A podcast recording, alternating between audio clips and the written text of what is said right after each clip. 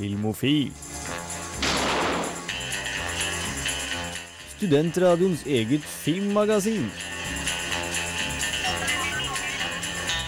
Ready, all set. Cameras. Og action skal det bli. Velkommen til Radio Revolt. Velkommen til Filmofil. Håper du har satt deg godt til rette og tatt på deg sikkerhetsbeltet, for dette blir en kvinnelige antagonister-sending.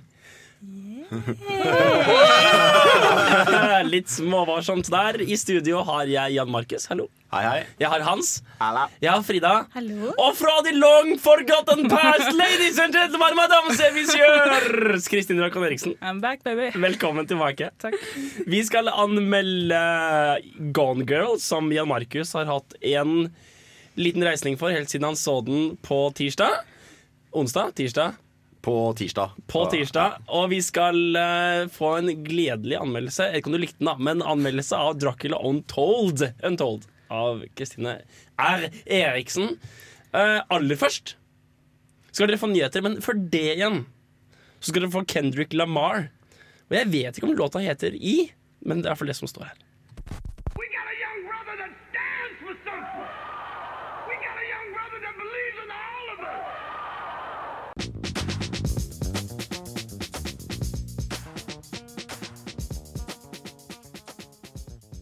Velkommen tilbake. Vi haster rett videre. Det er nyheter. Filmofil gir deg nyhender fra filmen og fjernsynets i spanende vær. Og vi kjører etterpå. Hvem var først? Er det Kristine, eller er det Hans? Det er meg. Og vi skal snakke om Zombieland 2. Oi! Ja visst. Med Det skjer. hvem? Med hvem? Um, Med hvem?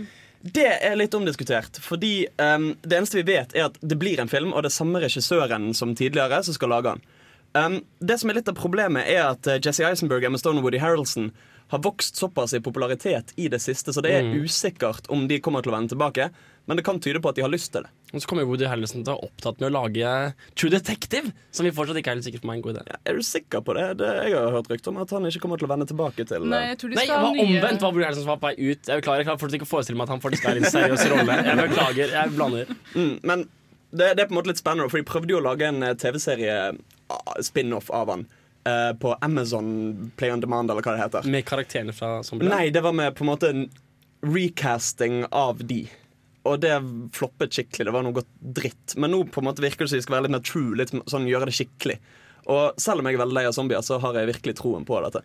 Men kommer ikke dette til å bli litt som Sin City? eh, Toeren, som diskuteres litt om hva går det ikke. Hvor det er akkurat samme gimmicken og akkurat samme greia, og folk som Kristine Rokkan Eriksen ikke er så veldig fornøyd, egentlig. Altså, det jeg håper på da for en Zombieland 2, er at de på en måte tar litt inspirasjon fra The Walking Dead og finner en gruppe mennesker da, og kanskje vi kan ha sånn bingo hvem som dør først, og litt sånn leke med den ideen om, om rekkefølgen på dødsfallene og sånne zombietroper, da, for det er jo det Mm. Ja, Zombieland gjorde, ja, og liksom leka med den der cardio-regelen, ikke sant, og sånne ting. Det var det sant, det gjorde de skikkelig bra. Så det håper jeg de gjør med liksom en større gruppe, eller at de skal ja, for en annen, at zombiene kanskje utvikler seg, blir kjappere eller smartere. Noe sånt. Mm. Ja, ja. Det blir gøy. Det Så gøy. hvis noen da trenger eh, Hvis noen da trenger å Litt tips om hvordan lage Zombieland 2, så er det bare å ringe Kristine Rokkan Eriksen. Mitt nummer er Nei. Ja, jeg har en nyhet for de som er litt interessert i historiske filmer. Jeg håper alle er det. Ja! Entusiasme. Mm. De har funnet en film eh, fra 1916, og det er en av de tidligste versjonene av Sherlock Holmes.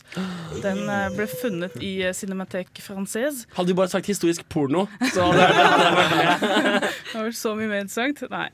Den, og den, eh, ja, det er ganske utrolig at de finner For det er veldig sjelden nå for tiden at de finner så gamle filmer. Og dette har vært eh, virkelig sånn holy grail av eh, forsvunne filmer. da og den skal vises på San Francisco Silent Film Festival i mai neste år. Så kom deg dit hvis du vil se den. Jeg håper den selvfølgelig kommer ut etter hvert eh, på nettet eller på en eller annen fysisk form. Men inntil da så får vi bare vente. Skal vi ta og begynne en Kickstarter-kampanje for å få Benny Camberbatch til å voiceovere den? Ja, for det, altså, det var jo, dette her er jo silent film, så det er jo en veldig unik Sherlock. da ikke Mm. Fordi Når vi tenker Sherlock, så tenker vi den kjappe snakkemetoden. Han, Mm. eh, Så det, det er veldig interessant å se hvordan de løste det da på silent film. Og når var det det skulle komme? Eh, I mai 2015. Da gleder vi oss. Eh, ikke bare skal det komme mer, uh, mer av Sherlock Holmes, men det skal komme mer av Twilight. Uh, Det gleder vi oss til. Eller? Det er jo en filmofil-tradisjon å alltid snakke om Twilight. Så det er bra du tok det opp. Ikke nå lenger, OK? Jo, jo, jo, Vi har brutt, vi har brutt med gamle troper. Reboot! Det kommer sannsynligvis ikke til å bli, bli bra. Men liksom, Bare få det helt klart. Bare få det helt klart. liksom disclaimer. Knuse. Men eh, prosjektet i seg sjøl er litt kult. Altså, det, skal komme, det er ikke en ny Twilight-film, men det er en ny serie med fem kortfilmer som skal komme. Um, og disse skal lages sånn at det er en konkurranse hvor ulike kvinnelige liksom, manus- og regissørspirer skal få lov til å liksom, pitche sine ideer. Og så, eh, så skal et panel da, av kvinner som er framtredende i filmverden eh, og i Twilight-verden, skulle jeg si. Altså Stephanie Meyer og Kristen Stewart kommer liksom til å heade hele greien. Men òg Kate uh, Winslet. Yeah. ja. Kommer, kommer dette til å være på noen måte relatert til Stephanie Myers-bøkene på noen måte overhodet? Ja. Ja, okay, så eh, da- fordi, altså, det blir på en måte Det blir litt fanfic på film, da. Det må basere seg på karakterene i bøkene. Svarer det, det årelange spørsmålet på Det svarer det årelange spørsmålet på hva er verre? Den originale, den originale serien? Jo, fanficken av det. Ja, vi har jo allerede en fanfic, Twilight-fanfic på film. Det er jo Fifty Shades of Grey. Ja. Så Ah! vi får bare vente fem mindre versjoner av det. Ja. Nei, vi kjører første, første nyhetslåt her. Er LSD TV med 'Lonely'. Du hører på Filmofil. Du er bra Rolt. Håper du koser deg.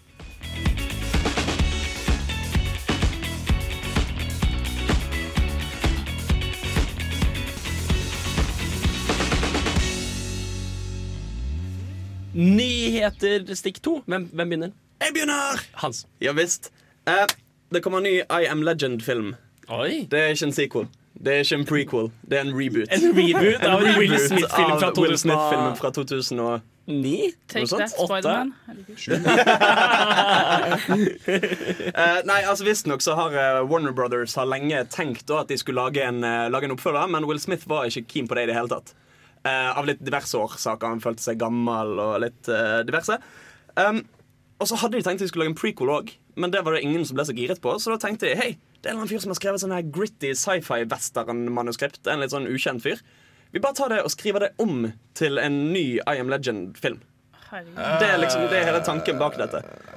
Jeg er veldig skeptisk. Ja, jeg kjenner at jeg er litt skeptisk, jeg også, faktisk. Men på den annen side så er det liksom Det gjorde så sykt feil sist Ja. gang. Kanskje Hæ? du bare beholder slutten dere- denne gangen, sånn at tittelen gir mening? Å ja, jeg likte den, jeg. Åh, Jeg beklager. Jeg beklager. Frida, for de av oss som ikke kjenner til dette, hva, hvordan skulle han egentlig sluttet? Den skal slutte Spoiler alert.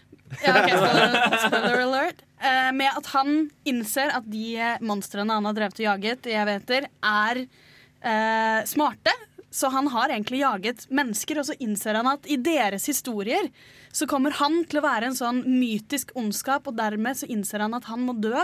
Fordi han, de er neste steg i evolusjonen, og han kommer til å være legenden i deres historier. I'm Legend er den zombiefilmen med Will Smith alene i en Ja. by. Ja! Men det er basert Den på er en bok. Egentlig. Men ikke Men det er en. Directors Cut, som du kan se originalslutten til. Ja, Så han er jo basically deres Mengele, da. ja, ja. takk. Takk, Jan Markus. Ja, jeg har en nyhet om en film som blir TV-serie, og det er Rush Hour-filmserien, da, kan vi si. Chris Tucker. Ja, Jackie og Chan.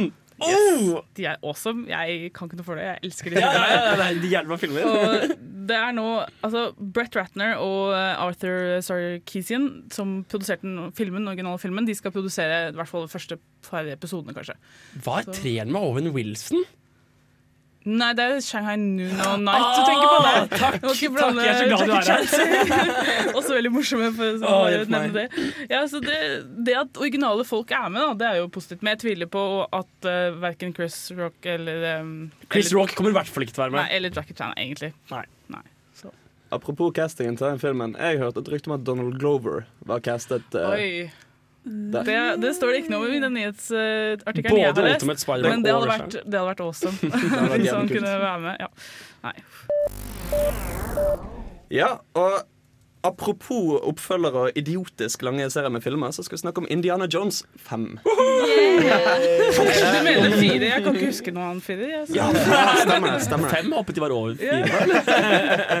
Den har, den har det vært ryktet om lenge, da. Men nå kan det en fyr som heter Janusz Kaminski eh, Det er sikkert sånn det uttales i virkeligheten. Eh, han var kinematograf på eh, de forrige Indiana Jones-filmene. Og i et intervju så snak nevnte han at han jobbet med Indiana Jones 5. Og kan hende det var en glipp, en forsnakkelse, men uansett. Alt tyder på at de faktisk holder på å lage den neste Indiana Jones-filmen. Mm. Om det er Harrison Ford som skal vende tilbake som Indiana Jones, det vites ikke. Men ifølge ryktebørsen så skal det ha vært snakk om både Bradley Cooper og Robert Paddington som potensielle nye Indiana Joneser. Robert Pattinson som- Men altså, de, vi kan ikke akseptere hvis, altså, Bradley Cooper er awesome. Bradley Cooper og hvis kan han kan bli en Indiana Jones-karakter, Ja. ja. Men han kan ikke ta navnet. Det føler jeg blir Ja, feil. det, jeg vet det, altså, altså, det, er jo, det er basically Harrison Ford.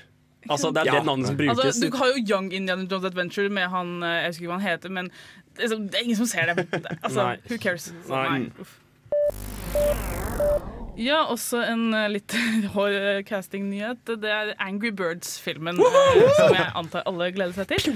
Jeg har fått en ganske allstar-spekket eh, cast. Eh, Jason Sudeikis eh, skal være med. Og han, skal, han skal spille Red, den røde fuglen. Oh, bare, det, bare det å si den castingen meg så mye. Eh, Så er det mange andre sånne typiske sånn komifilmdudes. Så Josh eh, Gad, Danny McBride, Bill Hader eh, og Peter Dinklage eh, skal være med. Bill Hader er kul, da. Altså, Er dette en animasjon, eller er det liksom live action? Det, jeg tror det skal være Jeg tror det skal være animert, for det står eh, liksom 'leading voices' da, okay. i artikkelen. Jeg har alltid, jeg aner ikke hvorfor det liksom gikk opp for meg nå at selvfølgelig blir dette en animasjonsfilm. Jeg har trodd Du, Hva du tenker så altså for deg Peter Dinklage blir skuttet med et sprekker og lander på griser. Gud. Ja. Ja, nei, det høres, det høres helt for jævlig ut. Eh, For de av oss som ønsket at originalspillet var voicet av disse folk her, så kan dere jo kose dere. Vi skal begynne litt med, med filmer etter hvert. Eh, Her kommer Just, Justin Towns Earl med 'Wanna Be a Stranger'. way, but I'm tired of acting in anger. Too tired to even turn. Jan Markus, Ja, var du også Gone Girl? det var jeg absolutt. Har du lyst, til- å fortelle oss om det? Det var eh, en film jeg så en eh, trailer for da jeg så Lucy på kino. En film som ikke var så bra. Men da det fanget litt interessen min, og jeg tenkte at eh, ok, den filmen her den har jeg lyst til å se. Og jeg gikk inn i kinosalen og visste ingenting om den, utenom en eh, 60 sekunders trailer jeg hadde sett. Og det er jeg i ettertid så utrolig takknemlig for. Ja. For det var Jeg ble fullstendig blåst av banen. Jeg var ikke klar for dette her i det hele tatt. Og noen av de beste filmopplevelsene jeg har hatt, er de filmene du ikke vet noen ting om, og så plutselig så bare slår de deg rett av stolen. For hva handler denne filmen om? Den handler om eh, Nick Dunn, spilt her av Ben Affleck, som kommer hjem en dag på sin femte bryllupsdag eh, med sin kone Amy Dunn. Og hun er borte, og politiet finner spor av at det har vært en kamp i huset deres. Og så begynner sirkuset. Men bør vi, høre noe, bør vi vite noe mer enn det før vi ser filmen? Eller bør vi egentlig bare gi oss der og så fortelle meg hva du synes om filmen? Nei, jeg, kan, eh, jeg skal passe veldig godt på at jeg ikke spoiler noen ting. For jeg har, jeg har løpt rundt siden jeg så den filmen og bare, jeg har lyst til å ta tak i fremmede mennesker på gata og skrike hele plottet i trynet deres. For det er, jeg virkelig elska den filmen her.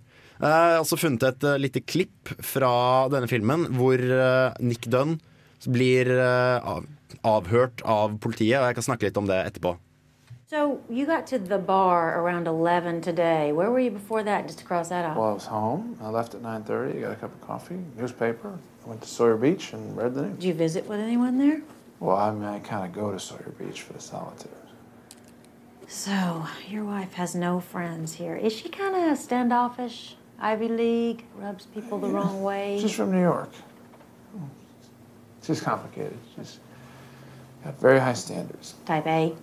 Well, that can make you crazy if you're not like that. You seem pretty laid back. Type B. Speaking of which, Amy's blood type.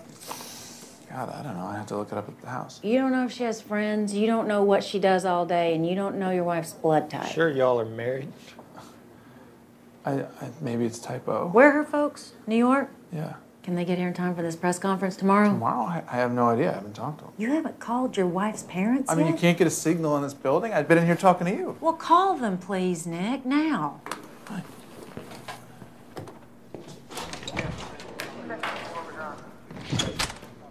Should I know my wife's blood type? Ja, Det høres ut som han spiller veldig bra, da. Ja, det er eh, Det som er hele mysteriet med filmen, er jo at hun er jo borte. Og du hører jo i dette intervjuet at Han høres ikke ut som en bekymret ektemann. I det hele tatt Så du sitter der på, på kanten av stolen og lurer på Ok, har han gjort det? Har han ikke gjort det? Har noen andre gjort det? Hva, hvor er hun? Lever hun? Og du, du sitter eh, her og bare prøver å forutse hvor denne filmen går, men den er Du klarer det ikke. Du er så med på berg-og-dal-banen du kastes med på, at uh, du er rett og slett bare grepet. Det er, jeg vil si at dette her er en original film hvor du, den går ikke i noen av klisjéfellene. Dette er en film som ikke kopierer, men som kommer til å kopieres i ettertid. Så kult. Eh, og hvem er den laget av? da? Den er laget av David Fincher, samme fyren som også har lagd Seven og Social Network. Kristine begynte akkurat å danse. ja, det er filmofil-yndling. Og Seven, selvfølgelig, som også er sånn her krimthriller. Uh, Ja, for Det er jo en kongelig rekke, det. Så han har jo på en måte liksom Han har en oppgave å skape noe nytt her. da mm, ja, absolutt. Det er en thriller. Eller hva er det? Drama? Ja, det er, det er thriller. Et sånn mysterium som sakte nøstes opp. Det er jo også en type, altså et tema som setter seg veldig dypt i folk. For det er jo sånn typisk sånn Vi alltid hører om sånne forsvinnelser, sånn som eh, Madison i jeg husker ikke, 2003 eller noe, det var lenge siden. Altså, du kommer alltid tilbake når, når vi ikke finner dem, så tenker vi alltid ja, men hva hvis det var liksom, Mm. de som sitter igjen? Mm. Så det sitter veldig dypt i oss, tror jeg, den der eh, trangen til å ja, men hva hvis eh, Ikke sant? Ja. Det, sånne Mm. falske eh, accusations er veldig gøy. Og det er også noe av det, ster det viktigste som skjer i denne filmen, her, det mediesirkuset som oppstår rundt denne personen. Hvor uh, mediet egentlig har på en måte De har satt dommen med en gang, de. Det er, ja, kona mangler, og han oppfører seg litt sånn apatisk. Ja, fuck it, han gjorde det.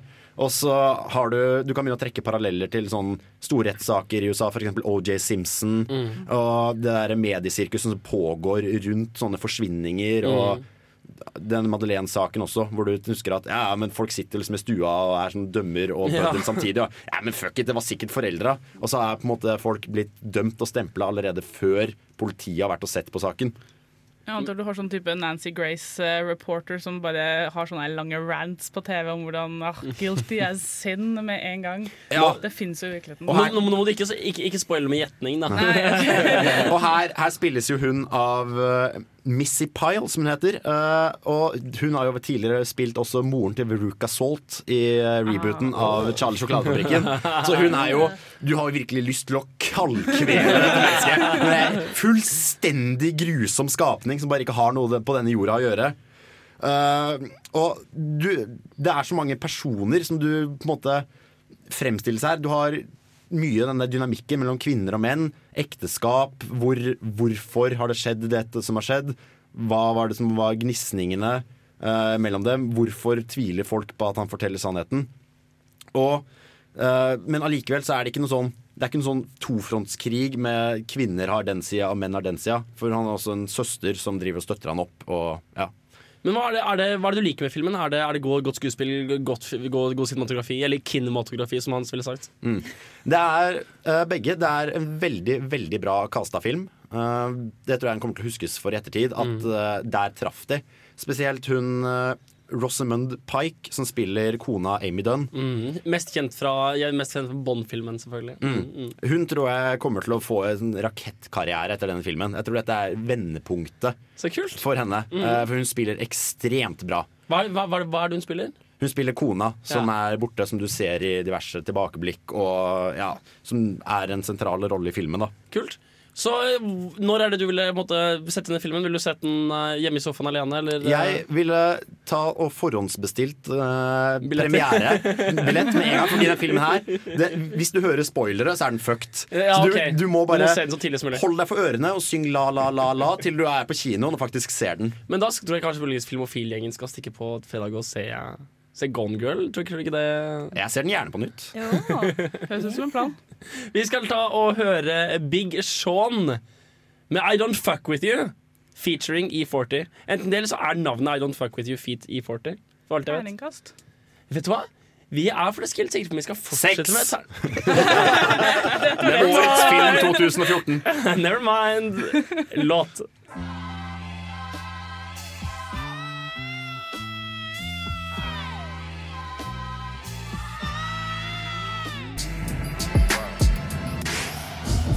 Og for å følge opp den rytmen, Kristine. Ja. I'm fucking og, og da vi så vi Dracula Untold uh, på onsdag. Uh, Dracula Untold, ja. Uh, som sagt ja, jeg vet ikke hvor mye Untold, det, det får vi se. Ja, jeg må si at jeg er kanskje den som er mest innenfor vampyrsjangeren av Du er, alle. du er, du er liksom vår, litt- residente vampyrekspert. Ja, litt sånn obsessed med vampyren som et sånn kulturelt fenomen, da. Enn bare sånn på film. Og så glinser huden og sånn. Twilight er ja, åh, gud, nei. Er med. Det er, Det er med, selvfølgelig, men det er liksom Ja, det er med sånn åh, Nei. Skulle ønske at det ikke eksisterte. Men ja, jeg liker alle typer vampyrer. Og jeg liker å kritisere de fleste. Skal vi kjøre type anmeldelse-type ting? Kjøre på? Rulle på? Ja, kom da. Rull, kjør, hva enn. Trykk på knappen!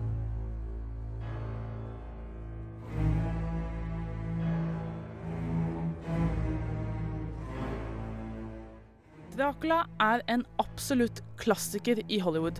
Men han har aldri vært protagonisten i en skikkelig actionfylt blockbuster. Kan den veldig ferske regissøren Gary Shore gjøre noe for å rette opp dette?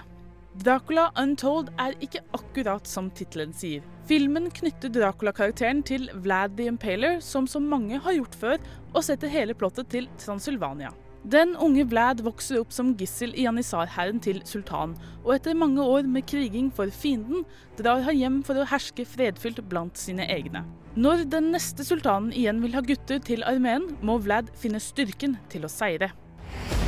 The Sultan is preparing for battle and requires 1,000 boys for his army, including your son. Run to your mother. Look away! You can't protect us. I'll find a way. For de vant med vampyrtropen er det ganske enkelt å se hvordan dette kommer til å gå. Dracula blir retolket som en tragisk skikkelse som vil gjøre hva som helst for å holde folket sitt, da spesielt kona og sønnen, i live. Det er nesten blitt mer klisjé enn det rene monsteret til Bram Stoker. Hva så kan Dracula Untold legge til? Jeg var redd for at det hele ble like sjelløst som refortellingen av Hercules, med standard actionsekvenser mellom tårefylt melodrama. Men så enkelt ble det ikke. For det første gjør Luke Evans en god jobb som Vlad. Vi kjenner han igjen som Bard fra Hobbiten, og han tar med seg intensiteten, og spiller lett blandingen av monster og tragisk helt. Charles Dance spiller vampyren som Vlad oppsøker, og det er lenge siden noen har spilt en vampyr så ekkel. Sminken, kostymene og effektene brukt til å illustrere Vlad sine nye krefter skaper en dypere verden enn jeg hadde trodd. Ser man forbi de mange klisjeene i slike fantasy actionfilmer, finner man mange fine detaljer. I have been waiting an eternity for a man of your strength to arrive. What is it you are seeking? I want the power to destroy my enemies and save my family. Drink Dracula. Det som skal skille denne Dracula-filmen fra tidligere, er mengden med action. Noen ganger blir det standard kjapp klipping for at vi egentlig ikke skal se hva som skjer, men jeg må si jeg ble overrasket over hvor mye filmen faktisk prøver å se annerledes ut. For å sammenligne igjen med gjenfortellingen av Hercules, som kunne ha sett ut som hvilken som helst actionfilm, ser Dracula Untold ut som noe relativt unikt. Det er nok det som gjør at filmens mange standard klisjeer og forutsette plot-twister er tilgivelige. Ja, det er Dracula som en tragisk helt, og vi vet nøyaktig hvordan det hele kommer til å ende. Men de fleste involverte ser ut som de er der fordi de vil si noe nytt om karakteren. Hvor mye dette lille nye er verdt å se, er veldig vanskelig å si. For de som er glad i å se utallige versjoner av denne karakteren, og liker når man leker seg med reglene til vampyrer, så er Dracula Untold langt fra det verste jeg har sett i nyere tid. Det er heller ikke den dårligste actionfilmen som går på kino nå. Som vampyrfan er jeg glad jeg så den. Ja. Oh Og for, my God! og for våre vampyrentusiaster der ute som hører på, så kan dere gå inn på Facebook-siden vår på Filmofil og fortelle oss hva slags musikk det var som lå i bakgrunnen der. Helt i starten. Hva slags musikk var det, var det, vi- var det som introet den, den anmeldelsen der? Gå inn på Facebook-siden vår og kommenter, kommenter. Da er du eh, vampyrfan, hvis du vet det. så kan det være at dere vinner en liten, liten hemmelig gave fra Deal Extreme. Kristine, Kristine, Ja, er hvilken, liksom- når skal man se denne filmen? det er veldig hvordan, hva slags forventninger du har til sånne type filmer. Hvis Ja. du liker litt sånn eh, ja, sånn veldig sånn klisjé fantasy hvor bare jeg liker sånne eh, kjekke menn som sliter med sjele... Liksom, mm, sjeleskvaler. Ja, så er det en sånn grei film. Så jeg var ikke, hvis jeg hadde sett den på kino, vanlig kino, så hadde jeg ikke liksom vært skuffa over at jeg har brukt penger på det. kan du si da. Men det er helt greit å vente til han kommer på Netflix. Ja, fordi altså, dette, er da, dette er da Alex Mason fra videogamet Call of Duty Black Ops og Call of Duty Black Ops 2. Uh, man skulle nesten forvente at han gjorde en særs god jobb i denne filmen. Hvordan gjør egentlig Sam Worthington det i hovedrollen som Vlad the Impaler? Uh, det er Luke Evans. Som så det er altså Bard meg så fra, Bard fra Hobbiten. Eh, Han, eh, som, han er ja, er, jeg liker han i denne her. Han, han greier den derre at han, han, han kan bli ond, da. Du ser det på han at han kan bli den onde Dracula. Han har det, det ligger i øya. Men han har akkurat der og da liksom, i liksom, prequelen, da, som dette her egentlig er, så er han liksom den som har en mørk fortid som The Impaler, og så kommer hjem og skal liksom herske fredfylt og være en god far, en god mann. ikke sant? Sånn, så det, han spiller veldig godt på det, da. Jeg lurer på hvor jeg har Sam Worthington fra? Jeg veit ikke. Jeg så på denne filmen på Wikipedia. Svart Wikipedia, altså. Ja, nei, jeg bare et spørsmål, fordi Denne filmen skal jo være en del av eh, Universal sitt Shared Monster Universe. Ja. Eh, de prøver å lage en sånn kontinuitet ut av dette greia med Mm. ny Frankenstein og Stemmer. ma mange andre ting. Eh, fikk, fikk vi noen frampek til det? Ja, altså, vi får et sånn fram, uh, forward flash uh, helt på slutten for å se hvordan uh, det hele har endt da, ja. i vår tid for forskjellige karakterer. Så det kan kanskje hinte til et større univers, selvfølgelig, men vi fikk ikke noe sånn hint til at uh, det var noe eh, Frankenstein-aktige personer i det her. For det her er jo 1400-talls Transylvania, så det er Mm. ikke plass til uh, Mary Shelley her, dessverre. Så det er ikke noe sånn der, som Dr. Frankenstein som jobber som med- medic eller sånt? Nei, takk, takk og lov. Ikke det. Det det som jeg kanskje likte best. Altså, dette her er ikke noe sånn superbra film i det hele tatt. Det er mange klisjeer. Du ser nøyaktig hvordan plottet kommer til å gå fra første scene. Men det jeg likte, var at alle spilte det veldig straight. Det var ingen som liksom nodda til audience om at ah, se så det liksom, morsomme og gøye vi har det. Vi lager teit actionfilm. Nei, det er, liksom, alle spiller det veldig veldig straight. Tar det veldig seriøst. Og det, det var litt forfriskende etter Hercules, må jeg si. Så det skal sies at det eneste som egentlig er ordentlig galt med filmen, er at uh, Wrath of the Titans sin Sam Worthington ikke var med i, denne, i denne filmen. Det som er feil. Men altså, jeg må bare si at jeg har sjelden hørt deg snakke såpass positivt som, om en film som dette her. At det liksom ikke er det verste du har sett. og sånn. Det er ganske bra, da. Kristine har sett verre! altså, det kan hende at jeg hadde så lave forventninger for liksom, hallo, Dracula Untold. Liksom. Men det er viktig. Ja, Det er viktig å ha lave forventninger. Og så så jeg, så satt jeg der liksom Hæ, det så jo litt kult ut. altså, så sånne, sånne ting hele tida skjedde. Bare, Oi, den effekten der var litt stilig, men denne den effekten var skikkelig dårlig. Så det var sånn veldig frem og tilbake. Jeg ser for meg at, at kino, kinoansvarlige sitter liksom på kanten av stolen og ser liksom når Kristine kommer ut og bare «Åh, Hun ser ikke sur ut!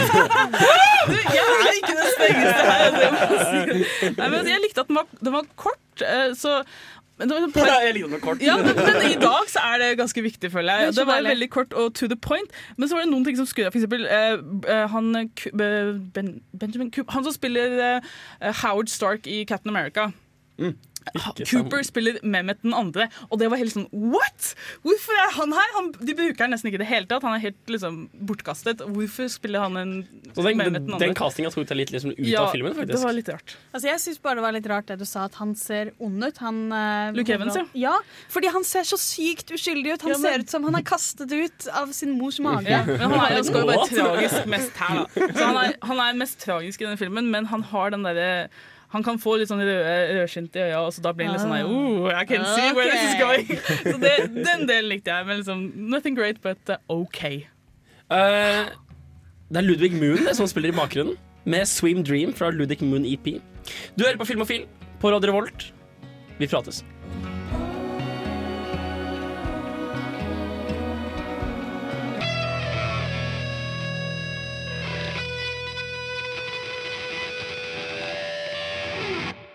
Da er vi ferdig med det litt mer generelle filmofilbiten, med nyheter og anmeldelser og sånn avslappet tull. Og nå skal det bli veldig seriøst. Fordi kvinner i film er ingenting man tuller med. Over til vår eh, ekspertfeminist Frida. Ja! yeah. Hva er temaet for uken? Kvinnelige antagonister. Antagonister, Men hva er antagonister for Frida? Å, så godt at du spør, Henrik. Eh, for å vite hva en antagonist er, så må man først vite hva en protagonist er. Men hva er en protagonist, eh, Frida? Enda bedre! eh, en protagonist er ikke det samme som hovedrollen, selv om det ofte er samme person som har begge rollene. Da har jeg sagt det feil i sånn tre år. Ikke bare har jeg vært pretensiøs, men jeg har, vært, jeg har tatt feil. En pro protagonist er den som vokser i filmen. Sånn Ofte så har du med litt sånn delt hovedrolle, så vil det være den den personlige utviklingen skjer med. Og dette her går faktisk Nå skal jeg være enda mer pretensiøs. Dette ordet kommer jo fra Aristoteles sin Poetikken, Oi, oi, oi. hvor han la Wow. ut eh, hvordan dramaturgi skulle bygges opp. Og da var protagonisten en med en personlig feil eh, som eh, på en måte knuten skulle stramme seg rundt da, denne personens pers personlige Hybris? feil. Hybris? Hva sa du? Hybris, Ah. som er overmot. Så Et eksempel på dette her blir vel da kanskje Superbad, hvor det handler om disse to eh, guttene som løper rundt. Men protagonisten som gjennomgår den store personlige forandringen, er jo egentlig en McLovin, som sitter på med disse politibilene. Disse jentene ser ikke Ja. filmene som er super. Selvfølgelig har vi sett Jeg tuller. jeg tuller, jeg tuller. Ærlig talt. Helt siden dette ble et tema at vi skulle prate om kvinner i film, så er det fordi du erter meg deg på meg i en Jeg, jeg, uke. jeg tror kanskje det kommer til å skje nå i løpet av den neste tiden. Vi får se. Men ok, da har vi da, har vi da etablert hva en protagonist Ja, er, ja. og en antagonist. Er det motsatte? Det er, en det er en person som begynner skikkelig bra, og så utvikler de litt mer i løpet av filmen. Alt til helvete. Antagonisten er den som skal pushe denne forandringen, eller skal utfordre, eller Altså, det kan være på en måte skurken. Den som på en måte hele historien om Supermann som må liksom finne sin indre Supermann eh, og slå ut Lex Luthor? Er det Ja. Lex Luthor? det proverbialiske de merker. Eh, det er en veldig vanlig type antagonist, men det Mm. kan også være type Shaun of the Dead, der hvor han har en sånn tullete venn som henger på, så er liksom han antagonisten, han Nick, tullevennen. Nick Frost. Ja. Han er antagonisten, for det er han som tvinger forandring på, på protagonisten. Ah. Så protagonist er ikke det samme som hovedkarakter. Det er bare den som driver plottet. på en måte Mm. Og antagonisten er ikke nødvendigvis skurken. Det er bare motstanderen som er motstanden. Ja! Dette er jo ekstremt oppklarende. Og grunnen til at vi da har tatt kvinnelige antagonister, er litt fordi antagonister ofte er skurker, og fordi man har et par klisjeer på hvordan man pleier å gjøre kvinner til skurker. Som vi gjerne vil snakke om. Ja, for det er enten britiske menn eller kvinner.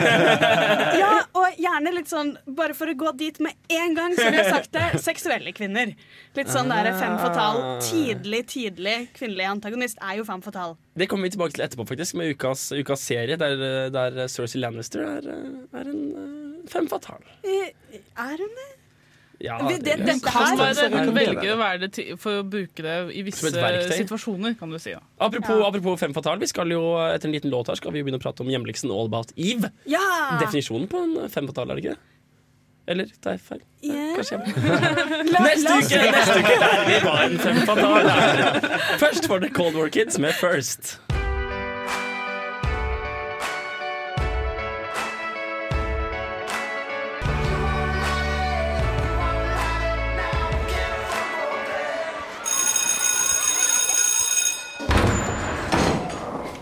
Be no foolish wand waving or silly incantations in this class. No, okay, that's it for the day then. Today, we have a similar debate over this. Anyone know what this is, class? Anyone? Anyone? Anyone seen this before? Ukens hjemmelekse. Jeg liker den jinglen der, altså. Så kan alle si hvilke filmer det er. Det er fra. Alle tre. Harry Potter. Harry Potter første, ja. Og så er det Indiana Jones. Det var det, ja. Og så Mm. helt på slutten så er det faktisk The Mask. Nei, unnskyld. Ferris Bueller's Day Off. Ja, ja, ja. Jeg blanda. Han er professor i den andre også, jeg blanda. Frida Sveen Sveen Sveen Hempel. Ja. Det er din hjemmelekse. ja, det er det. Og hvilken film skal vi se? Oi. Eh, vi skulle se All About Eve. Film fra 1950, 1950 sharp. som i fryktelig lenge siden. Ja, den er, den er jo sånn at de snakker sånn gammel film. Det, ja, det det er jo det, og det tar litt øyeblikk før du kommer inn i måte, stemningen i filmen, fordi det er såpass på en måte, teater og det er såpass levering av linjer. Og den handler jo om teatret, så de på en måte tar de opp enda mer. Og den starter med en fyr som sitter og forteller med liksom den mest pretensiøse stemmen du har. Sitter og forteller om alle sammen. Og jeg bare elsker den. Ja, den voiceoveren med han der journalisten som sitter og ser utover et award-rom. Og så prater om alle en og en. Jeg digga den voiceoveren. Og det var såpass avansert språk og såpass måte komplisert at jeg måtte ordentlig rette. Liksom. Jeg måtte liksom legge fra meg laptopen og legge fra meg mobiltelefonen og legge fra meg Gameboyen og legge fra meg Og liksom følge med. Men altså, jeg ble, jeg ble jo alltid overrasket altså, når dialogen først kommer. Altså, greit nok den voiceoveren på begynnelsen var jo litt sånn gammel. Men etter hvert som de begynte å preike sammen, så syns jeg dialogen var overraskende moderne. Altså, det var, det var Ja, veldig var det. kvikt og veldig kjapt og veldig Jeg vil nesten si at det var litt over dagens standard. Fordi det var Ja. såpass altså, For eksempel Ok, La oss ikke ta helt av. La oss Filmen. Filmen, Frida. Ja, jeg kan si hva filmen handler om. Det er da eh, du, du følger egentlig Margot Channing, som Ja. er Hun er protagonisten, for å bruke ordet vi lærte i stad, i denne historien. Og hun Husk det, det barn. den ultimate divaen. Ja, hun er stjernen. Altså, hun, er, hun er stjerne, sånn at man ikke trenger å se flere stjerner på film. Ja. For hun er bare hun er, Og hun er på en måte barnslig og har så mye divanykker og bare feier inn i rom. Bortsett fra at hun har jo et øyeblikk av selvrefleksjon selv under sine divaøyeblikk. Hun drikker seg full mens hun sier 'nå kommer jeg til å drikke meg sykt full'. Ja. Og jeg vet ikke om det er så Hun er jo på en måte mer intelligent og mer selvreflekterende enn på en måte karikaturen. da Ja, akkurat. Og det, det er akkurat det at de starter med den diva-karakteren. Mm. Uh, og så er det hun som må innse at hun blir eldre, Mm. og at hun må på en måte satse på å ha et ordentlig forhold. Det er hun som vokser inn i en ekte person, og ikke den der feiende, glamorøse saken. Og så er det da Eve, som er en sånn ung, håpefull eh, fan, egentlig. Ja, hun er jo en blodfan. Hun, vi møter henne når fordi det er, det, er, det er hovedsakelig fire folk i denne filmen. Det er Margot Channing som er hovedpersonen. Så er det hennes mann som er, eh, som er di, di, di, directoren. Som er altså Ja. eh, directoren, så er det en eh, manusforfatter som skriver alle disse berømte, fantastiske skuespillene. Og så er det henne, hans kone. Ja. Det er fire folk. Filmen begynner med at kona Eller eh, handlingen begynner med at kona finner Eve stående utenfor, kledd i en anonym frakk. Og Eve har da stått utafor hver teaterkveld hele sendingen av dette teaterstykket. Helt siden teateret begynte. Og hun kommer litt ut av skyggen og så har du stått Du står her hver dag. Hva gjør du i mellomtiden? Nei, jeg går inn og ser på skuespillet. Hva? Hver gang, Hvordan har du råd til det? Nei, jeg står bare bakerst. Det, det, det, går, det går bra. det går bra ja, Du må komme inn. Ja, Det er ikke så farlig med meg. Vet du. Det er er, jeg, jeg bare setter pris på å kunne se dette kunststykket som er deres skapelse av et teaterstykke. Og hun kommer liksom inn og blir introdusert til folkene og er superydmyk og Mm. bare vil gi alt og vil gi alt. Og så hun flytter inn med Margot og bare ta, begynner å ta seg av alle, alle affærene hennes. Ja, fordi disse fire folka tar hun jo bare inn til seg. Ikke sant? Ja. Og denne lille, lille, lille, lille, lille, lille, påskekyllingen skal vi liksom ta, ta hånd om og varme. Ikke sant? Ja, og så vi, Man kan spoile forrige ukes hjemmelekse. Ja, ja. Og så viser det seg jo at Giv prøver jo å bli Margot Channing. Så hun på en måte Først så bare er hun der og studerer henne, og Margot Channing Dette er før på en måte vi får se det. Ja, hun begynner å bli veldig paranoid, Mm. og hun begynner å anklage mannen sin for å egentlig være interessert i Eve. Mm. Og bare alt ved Eve utfordrer alt ved Margot Channing. Mm. For hun er yngre, hun er, hun er pen, hun er talentfull. Viser det seg jo at hun også er en kjempetalentfull skuespiller. Så ikke, ikke, ikke bare blir Margot Channing redd for at Eve skal erstatte henne, men Eve prøver faktisk å erstatte henne. Ja, hun gjør jo det. Og hun utfordrer jo alt i Margot Channing. Så hun er jo på en måte Ja, vi får kanskje ta litt mer om Eve som en karakter etterpå. Ja. Jeg har med Et et, klipp. et lite klipp Ja. som egentlig aller best eh, viser hvor snappy dialogen er. Ja. Og fun fact om dette her. I denne filmen så hører man Marilyn Monroes debutrolle. Faktisk første gang man ser Marilyn Monroe på film, er i dette klippet her. The general atmosphere is very Macbethish. What has or is about to happen? What is he talking about? Macbeth. We know you. We've seen you like this before. Is it over or is it just beginning? Fasten your seatbelts. It's going to be a bumpy night. Oui, c'est la chose la plus possible. Sit down. Mademoiselle, je vous remercie infiniment pour l'invitation. Enchanté to you too. I distinctly remember Addison crossing you off my guest list. What are you doing here? Dear Margot, you were an unforgettable Peter Pan. You must play it again soon.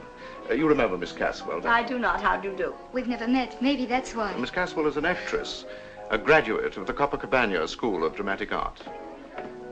Ah, Eve. Good evening, Mr. DeWitt.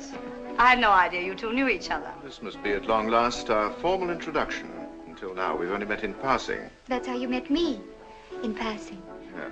Eve, this is an old friend of Mr. DeWitt's mother, Miss Caswell, Miss Harrington. Miss Caswell, how do you do? Addison, I've been wanting you to meet Eve for the longest time. It could only have been your natural timidity that kept you from mentioning it. You've heard of her great interest in the theater. We have that in common. Then you two must have a long talk. I'm afraid Mr. DeWitt would find me boring before too long. You won't bore him, honey. You won't even get a chance to talk. Jeg var helt, helt opp- opp- oppslukt i klippet. Eh, Så det er da um, Den litt merkelige stemmen er da Marilyn Monroe. Ja. Og eh, det er da Margot Channing som er den litt skarpe, syrlige Ja, kvinnen. hun som Altså, hun og han ehm, Han godeste Addison. Addison, de står jo der og bare skyter sånn der er Ja, og de rundt. Og du ser jo Og der hører du veldig godt Eve sånn som hun er i hele starten av. Mm. Sånn, I'm afraid Veldig sånn forsiktig, ja. boring. Ja, ja. Og, Og, og, selvoppofret til en irriterende grad. Liksom. til en helt latterlig irriterende grad. Så, filmen. Uh, jeg likte veldig godt dialog. Dialogen var skarp. Mm. Og eh, jeg syns det er gjennomført på en god måte. Og den treffer ikke for mange av de tropene jeg ofte ser i sånne gamle filmer. Fordi det er blitt gjentatt Alle de gode gamle filmene jeg ser, har blitt gjentatt til det uendelige i den moderne tid. Så det var ikke Mm. troper da, men det er troper nå. Det var ikke så mange av dem der. Og det likte jeg veldig godt. Mm. Jeg lurer på hva jeg skulle si kort hva jeg likte om den før vi, eh, før vi begynner på hva den sier om kvinnelige antagonister. Ja. Hvem andre var det som så den? Hvem er det som faktisk gjorde hjemmeleksa si her? Hans, du, du, du så den, og hva syns du? Uh, om kvinneperspektivet? Nei, filmen. si. Å, jeg digget den. Altså, mye av dialogen, men òg Jeg, sy- jeg syns, det var spennende handling. Altså, jeg det, var liksom, det, var ikke, det føltes ikke utdatert. Det føltes ikke gammelt. Nei, akkurat Eh, det var litt sånn Jeg fikk litt sånn flash forwards skulle jeg si, til Black Swan med hun der gamle ballerinaen Mm. som blir sur når eh, Natalie Portman tar over. Det var litt den typen eh, assosiasjoner jeg gjorde meg. Og jeg føler liksom det er ikke en, eh, det er ikke en film som har blitt, blitt så veldig gammel. Nei, Det er jeg helt enig i. Og så er det noe med hvor, hvor Altså, jeg kommer alltid tilbake til det her, men Um, man smelter veldig inn i, inn i handlingen. Man blir veldig opp, opprømt, og man glemmer at dette er skuespillere, og man får virkelig en følelse av at det er ekte. Mm. Og det er helt vanvittig med tanke på, på en måte at det er ikke engang sikkert at lyden ble tatt opp når de skuespilte. Det her kan man godt være at det er dubbet over for alt jeg vet. ikke sant? Og det ble jo aldri kjedelig heller. Nei, det er et Altså- godt poeng. Det er veldig god rytme Ja. til å være en så gammel film. Det pleier å være mye kjedeligere. Jeg pleier ofte når jeg sitter og ser film som jeg bare tenker jeg skal bare se dem for å se dem. Sitter Ja, jeg og ja. spiller Candy Crush eller et eller Ja, annet samtidig. Hens mine syv medier mens jeg satt i senga. Men, men, men det falt meg ikke inn når jeg skulle se denne filmen. Jeg satt og koste meg. Så Eve, Frida, fungerer som en antagonist i denne filmen her. Og jeg synes, eh, egentlig så syns jeg den er en ganske viktig film, fordi jeg syns at Eve er såpass ræva karakter. Hun på en måte, hun er jo ikke noe utenom liksom manipulativitet. Nei. Hun er bare der for å liksom snike seg inn og ta over Margot sitt liv, men hun er en kjempegod antagonist. Fordi jeg syns hun pusher på den karakteren som de har valgt å portrettere, som er Mar Margot Channing. Og det har de gjort så grundig, og da har de bare laget en motstander til henne som er alt hun trenger å møte. Så Eve er jo en kjempekarikatur av hvordan liksom, kvinner er manipulative og sånn. Men hun støter mot en veldig ekte person. da. Og Margot sin rolle får så mye plass, og hennes på en måte barnslige oppførsel og det opprøret over å bli gammel er så bra portrettert at jeg syns at Eve er på en måte en bra karakter pga. funksjonen sin i filmen, og ikke pga. en god karakter. Jo, Tar den. Ja, det, altså, fordi, altså, fordi Margot vet- Hvis du tenker på hvor mange dimensjoner de fremstiller til, da, Margot er liksom hele veien omtrent reflektert og selvironisk. Og, og liksom øh, Hun på en måte tillater seg selv å være litt diva noen ganger. Og så tillater hun seg selv å liksom mens, mens Eve er veldig sånn bare rett på og bare man- manipulativ. Ja. Og det er liksom Man ser i slutten av filmen at hun er litt sånn Åh, så synd på meg. Og jeg er alene, og det gikk galt for meg likevel. Og så kommer det en eller annen ny ypling og skal ha seg. Ja. Og så er hun liksom åh. Og det, ikke, Er hun kanskje litt mer endimensjonal og fungerer som en ren antagonist? Mer som en, på en måte Som en myr Margot må liksom klatre gjennom? Er det vanlig, eller føler noen at hun er mer enn én dimensjon? hun dama der? Eve? Jeg syns hun er veldig endimensjonal. Jeg vet ikke, men Ja, ja, jo, i grunnen, men hun fikk jo Altså, hvordan er? Spoiler vi? Nei, ja, ja, Vi vi, Vi, vi, vi spoiler, vi spoiler. Ok, nice. Um, hun, hun får en veldig sånn come uppens på slutten, men så, viser, så vinner hun den prisen likevel. Uh, og jeg føler det på en måte er noe litt sånn Litt sånn resignasjon i hun mot slutten der, hvor på en måte hun innser at jo, jeg fikk det jeg ville, men faen i helvete, han der eh, filmanmelderen har makt over meg uansett. Så på en måte, jeg har vunnet, men jeg har tapt. Og jeg føler på en måte at altså, det blir ikke det blir ikke eksplisitt nevnt, Nei. men på en måte litt i, litt i blikkene hennes. Ja, Det er jo veldig Så- tydelig at hun føler seg noe offer og overfalt av denne Addison som Ja, viste seg å, å ut, utspille henne. da Ja, og han, og han, han, han synes jeg på en måte er en, Han har en veldig sånn sexistisk holdning til Eve. Altså anmelderen. Ja, Ja. Addison. Han på en måte avslører jo litt om bakgrunnshistorien hennes, og dermed så sier han hvis du pr Nå er du min. Nå yeah, eier I jeg deg. you. yeah. Men jeg synes egentlig også det, var en, det er litt sånn fint, fordi historien handlet så mye om Margot som måtte liksom lære seg å være i et ekte forhold med sin mann. Og da var det liksom fint at speilbildet av det var da Addison og Eve som går inn i et sånn Mm. helt falskt, helt jævlig Ja, ja. forhold. Mm. Det er jo interessant hvordan det egentlig er to parallelle historier der. Mm. Skal vi ta og, og kjøre låt? Har du noen siste poeng å si? Du har 31 sekunder. Jeg ser den, og det er bare introduksjonen av Margot Channing, hvordan hun sier nei takk til at noen skal vanne ut vinen hennes. Det er bare diva. Vin? Jeg tror det er gin. Det er eller noe. Ja, ja, for noen kommer med et vannglass, Ja, ja. og hun sender dem et foraktfullt blikk. Holder opp hånda og sier nei takk. Dere skal få Ozzy med Gangsta. Du hører på Filmofil. Vi er kommet til å bli ordentlig varme nå. Jeg håper du koser deg. Det er Radio Revolt. Ja, musikk.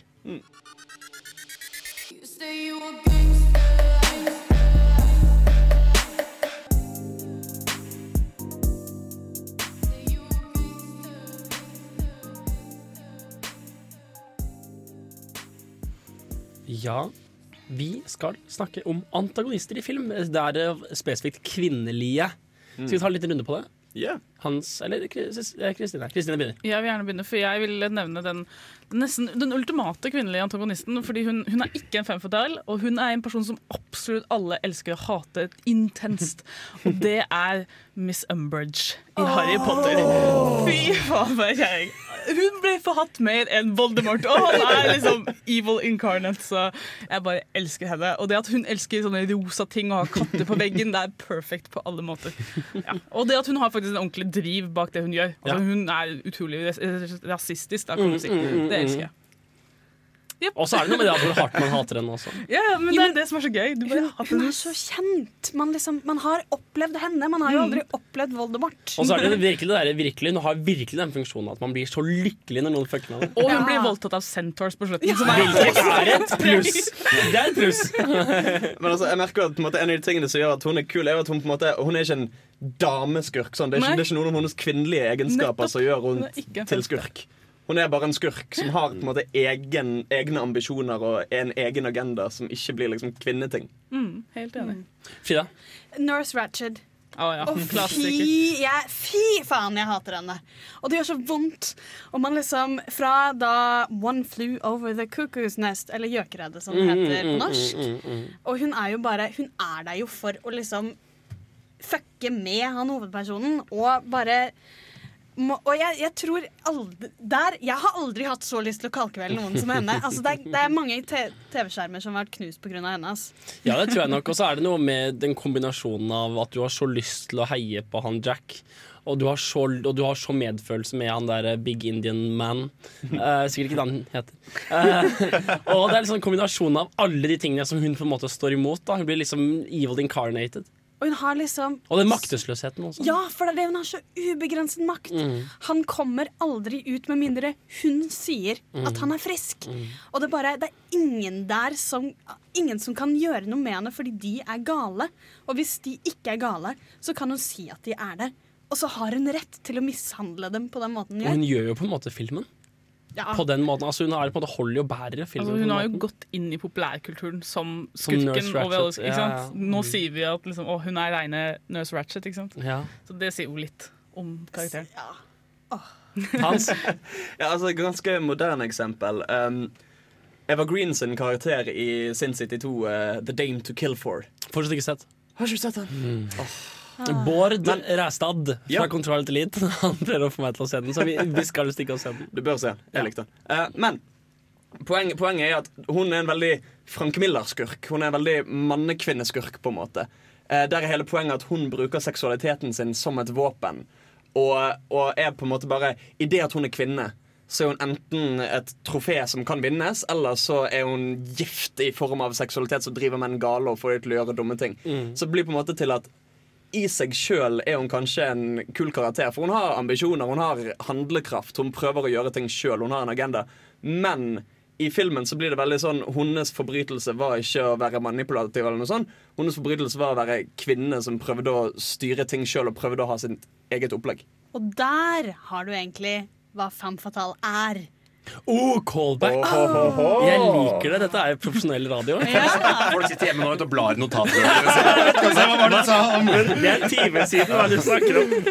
Ok, Hva er et fem fatale, da? Det er, det er akkurat det. Sånn seksualitet bare gjort til et våpen. Altså, Femme fatale gjør jo aldri mordene selv. De får den mannlige, sånn, litt sånn shady helten til å gjøre det for dem. Kult. Nei, ikke så veldig. Kult. Det er jo litt Kult som et konsept. Ikke som vi aldri har lyst til å gjøre. Altså, litt av Problemet mitt med det er at jeg føler veldig ofte så ligger det en slags liten sånn kvinneforakt i det. Mm. Altså Det virker som Mm. om fyren som har Altså fyren, Han selvfølgelig. har- han har- han har blitt såret, liksom. Han har blitt såret av en dame, og da er det sånn Å, så pulte hun han og fikk han til å drepe ham for seg, for hun var for til å gjøre det sjøl. Eh, ja, jeg har også en uh, antagonist. Moren i Tangled, eller por, To på rømmen, heter ikke det? Hva sa du? To på rømmen? Ja, Gjesten der. Ja. Eh, der er det jo sånn der er det en kvinne som er skurk, og hun går jo inn i denne morsrollen og bruker morsrollen som et sånn manipulerende våpen for å få med seg Rapunsel, Rapunzel, er det ikke det? Jo. Som, Jo. for å få henne da, til å ja, være med, så hun kan bruke det magiske håret hennes til å holde seg evig ung. Så der er det jo, det er jo litt den derre Men der er det jo ikke endimensjonalt overhodet. For der Nei, får vi jo nei. moren som en sånn herre Hun vil bare beskytte henne, og hun vil beholde sin egen ungdom, og hun vil på en måte Ja, altså, hun er bare awesome i det at hun, hun, er så, hun er så egoistisk at hun synger denne utrolig herlige Villen-sangen 'Mama Knows Best' Mm. til liksom hun som tror at hun er dattera. Nummer to i dagens filmlåter. Som det kan være nær, nær andreplass. Den, og, og det er liksom ren manipulasjon. Mm. Og hun veit nøyaktig hva hun gjør, og det er så ondt og herlig.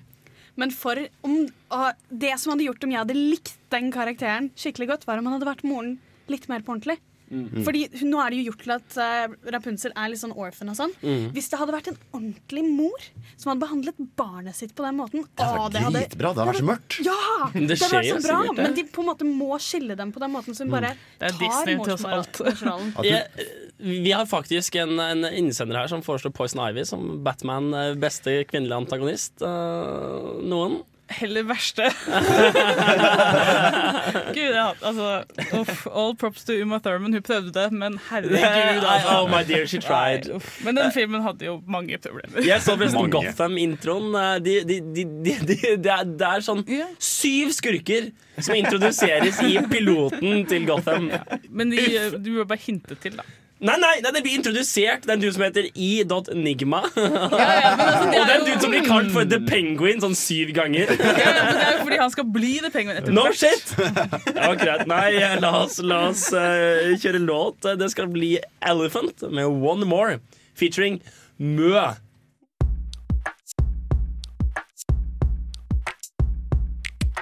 Come on now, sugar,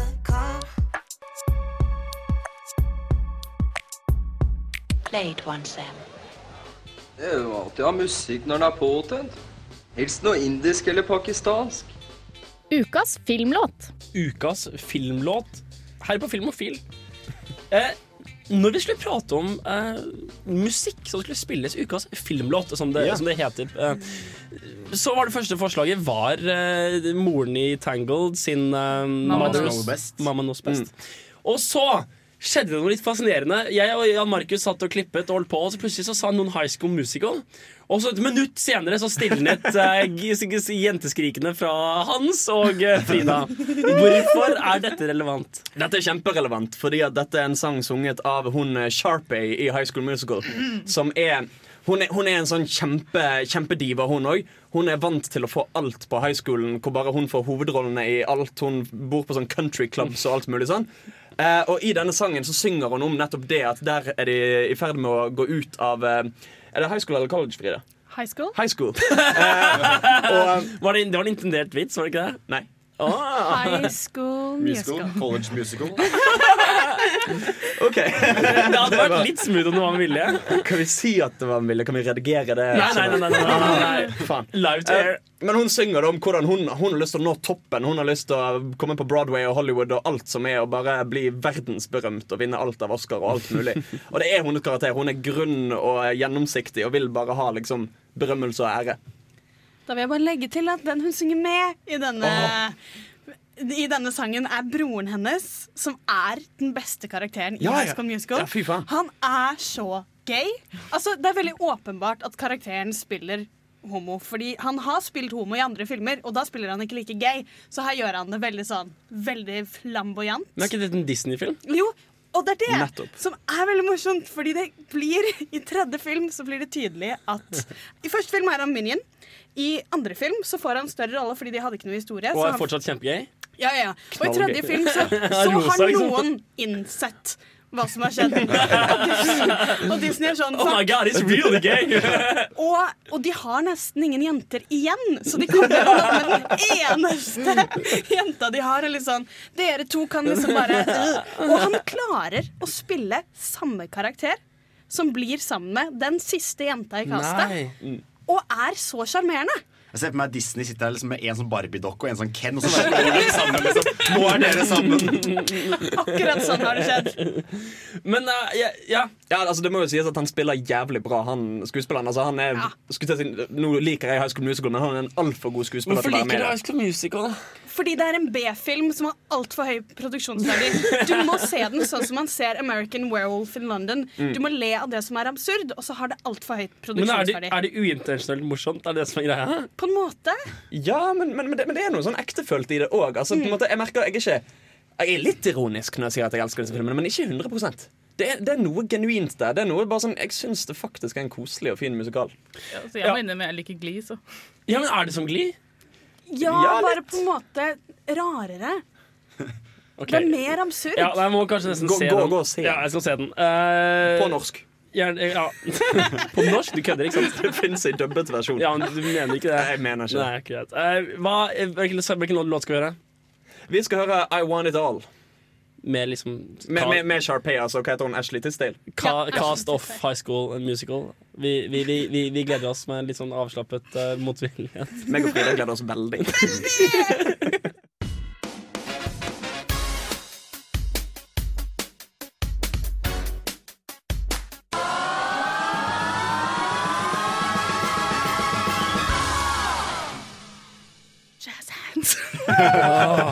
Sorry, jeg hører- Jeg hører jazz hands. Jøsse navn, jøsse navn, jøsse navn. Um, jeg, jeg blir nesten litt satt ut. Vi skal jo egentlig ha, vi skal egentlig ha en filmlåt nå, men jeg, jeg, det, var, det var så mye dansing og ting og tang at jeg ble helt um, Å, jøsse navn. Det var som å være i en musical. Ja, nei, vet du hva? Vi, vi kjører låt mens jeg, mens, jeg, mens jeg trekker pusten. Dere får 22 med Ectotypes.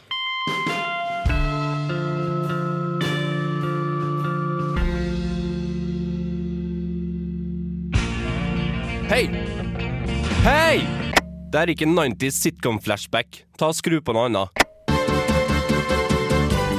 Ja, bedre, men prøv igjen. Der, ja! Ahem. Filmofil presenterer ukas serie.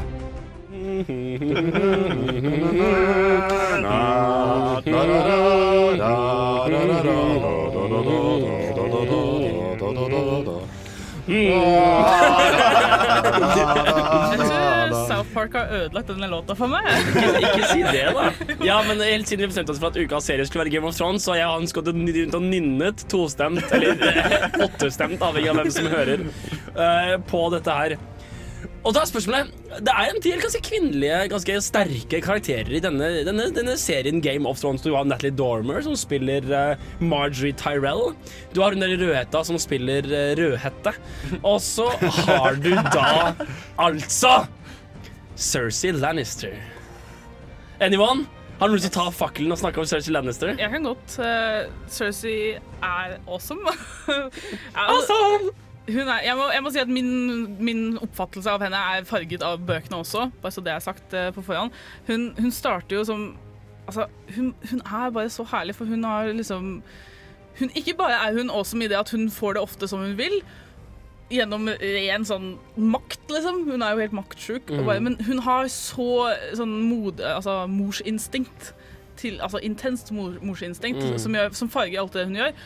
Og det syns jeg er så gøy å se den derre intense sånn følelsen mot at ah, liksom, Joffrey og liksom, ah, Hun vil alt det gode, men samtidig så ser du liksom alt at hun, hun vil beholde kraften selv også. ikke sant? Mm. Så hun har den utrolig liksom, pull, uh, push-følelsene hele tida.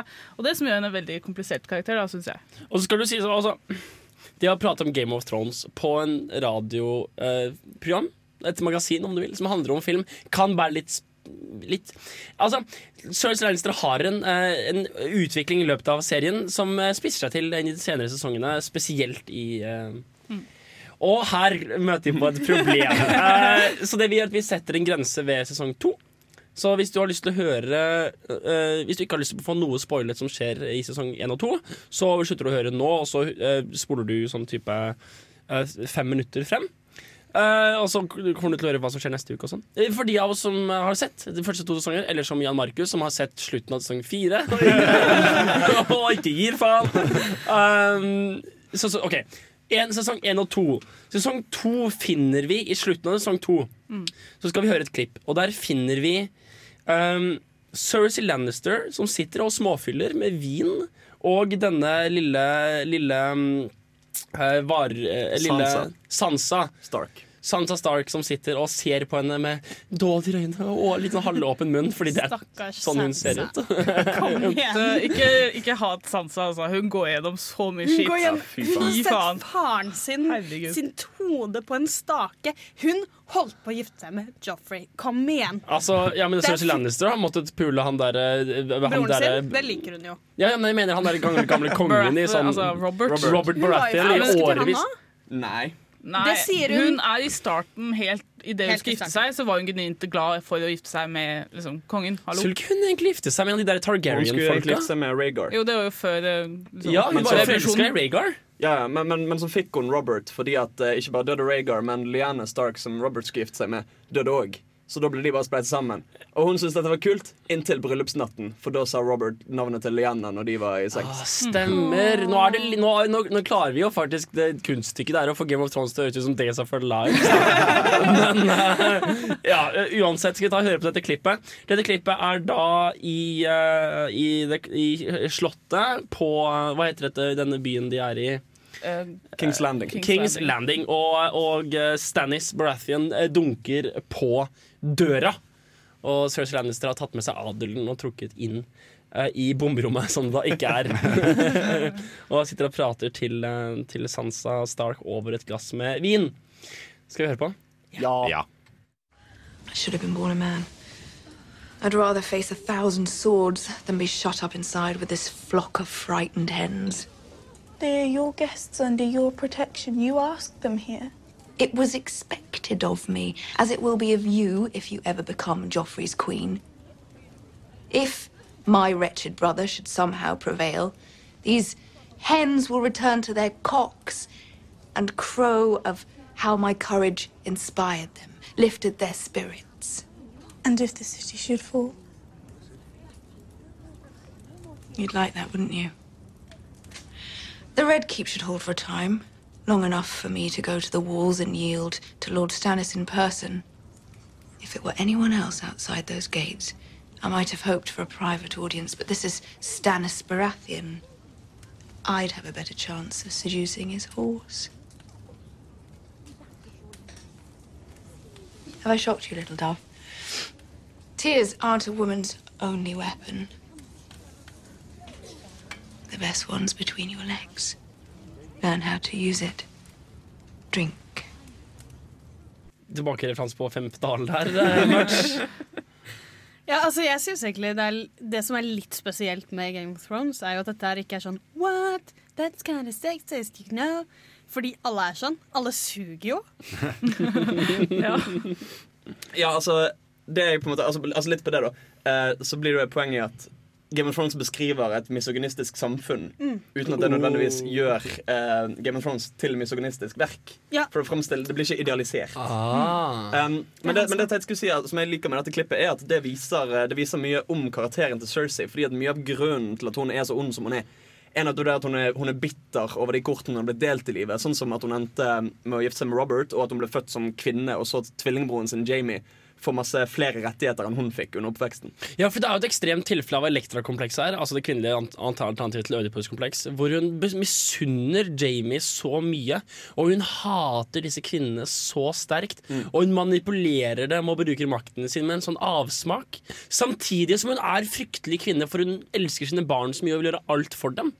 Så hun er på en måte så, så Det er så mye konflikter, da. Men jeg får jo inntrykk av at det morsinstinktet hun har, er det eneste som på en måte skulle til å si Er kvinnelig vene. Nei, ikke, ikke nødvendigvis det. Altså, hun har mange kvinnelige aspekter sånn sett, men, men mer- det at det er det eneste som gjør at hun i det hele tatt gidder å leve, virker det som. Altså, altså, for, for hun Mm. hater hele situasjonen hun har havnet Mm. oppi. Sånn, du hørte jo bitterheten i stemmen Ja. hennes i dette klippet.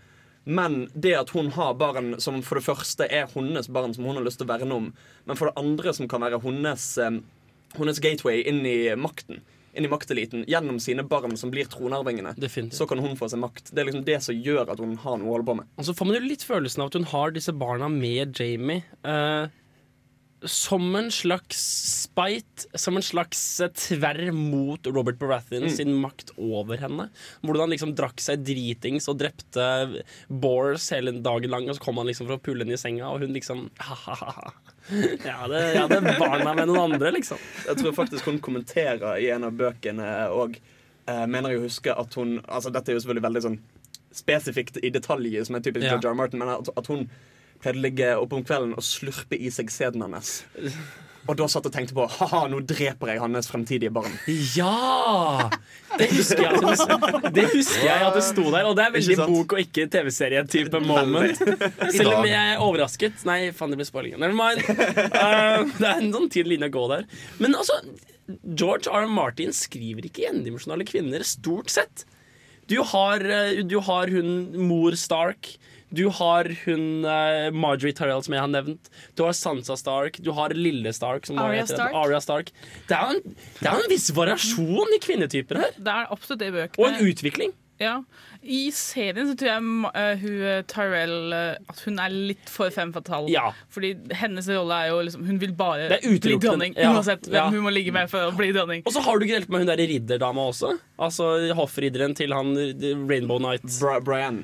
Ja, men hun er sånn fangirl. Ja, men det er helt fint. Men hun er også en kvinnekarakter, liksom. Men altså, ærlig talt. Marjorie Ty Tyrell var jo eneste som på en måte gjorde Joffrey litt grei en stund. Hun er jo faktisk ganske god regent. Så hun er Ja. eneste man blir sånn derre jo, men- jo, men vet du hva, du, du bare gjør det du må. Du, er, du liksom gir fattig mat og går ut og prater I med dem. serien så ser man ikke det så godt. Jo, for jeg har bare sett serien. Så jeg så det helt tydelig. godt argument. Altså, det bør Nei, nei det, det skal jeg ikke si. Det blir å spoile. Jeg, bare, jeg tror at uh, Natalie Dormer er altså, Hun er utrolig god til å spille akkurat den rollen. Ja, hun har det. Mm. Men det skal jo sies, dette ganske kjente eh, George R. R. Martin ble jo spurt om det. «Øh, hvorfor skriver du så sykt gode kvinneroller? Og så sa han at jeg skriver ikke kvinneroller, jeg skriver personer.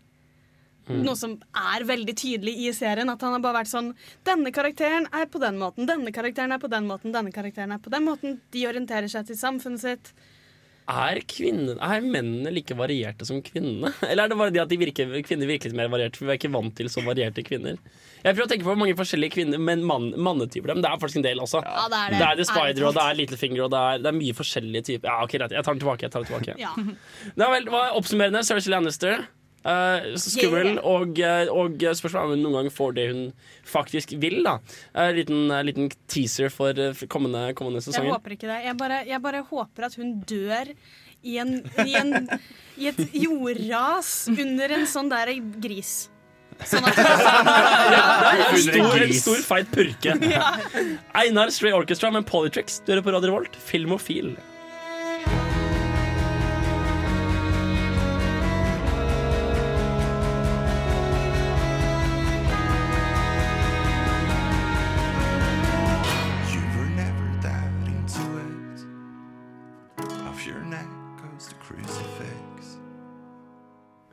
Da har vi kommet til dagens siste stikk, og vi beveger oss ut av kvinner som antagonister.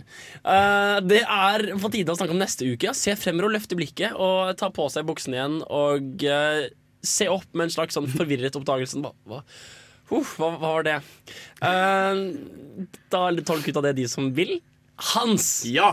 Apropos neste uke. Neste uke så skal vi ha en skrekkfilm. Vi skal ha om horror, og jeg gleder meg som en unge.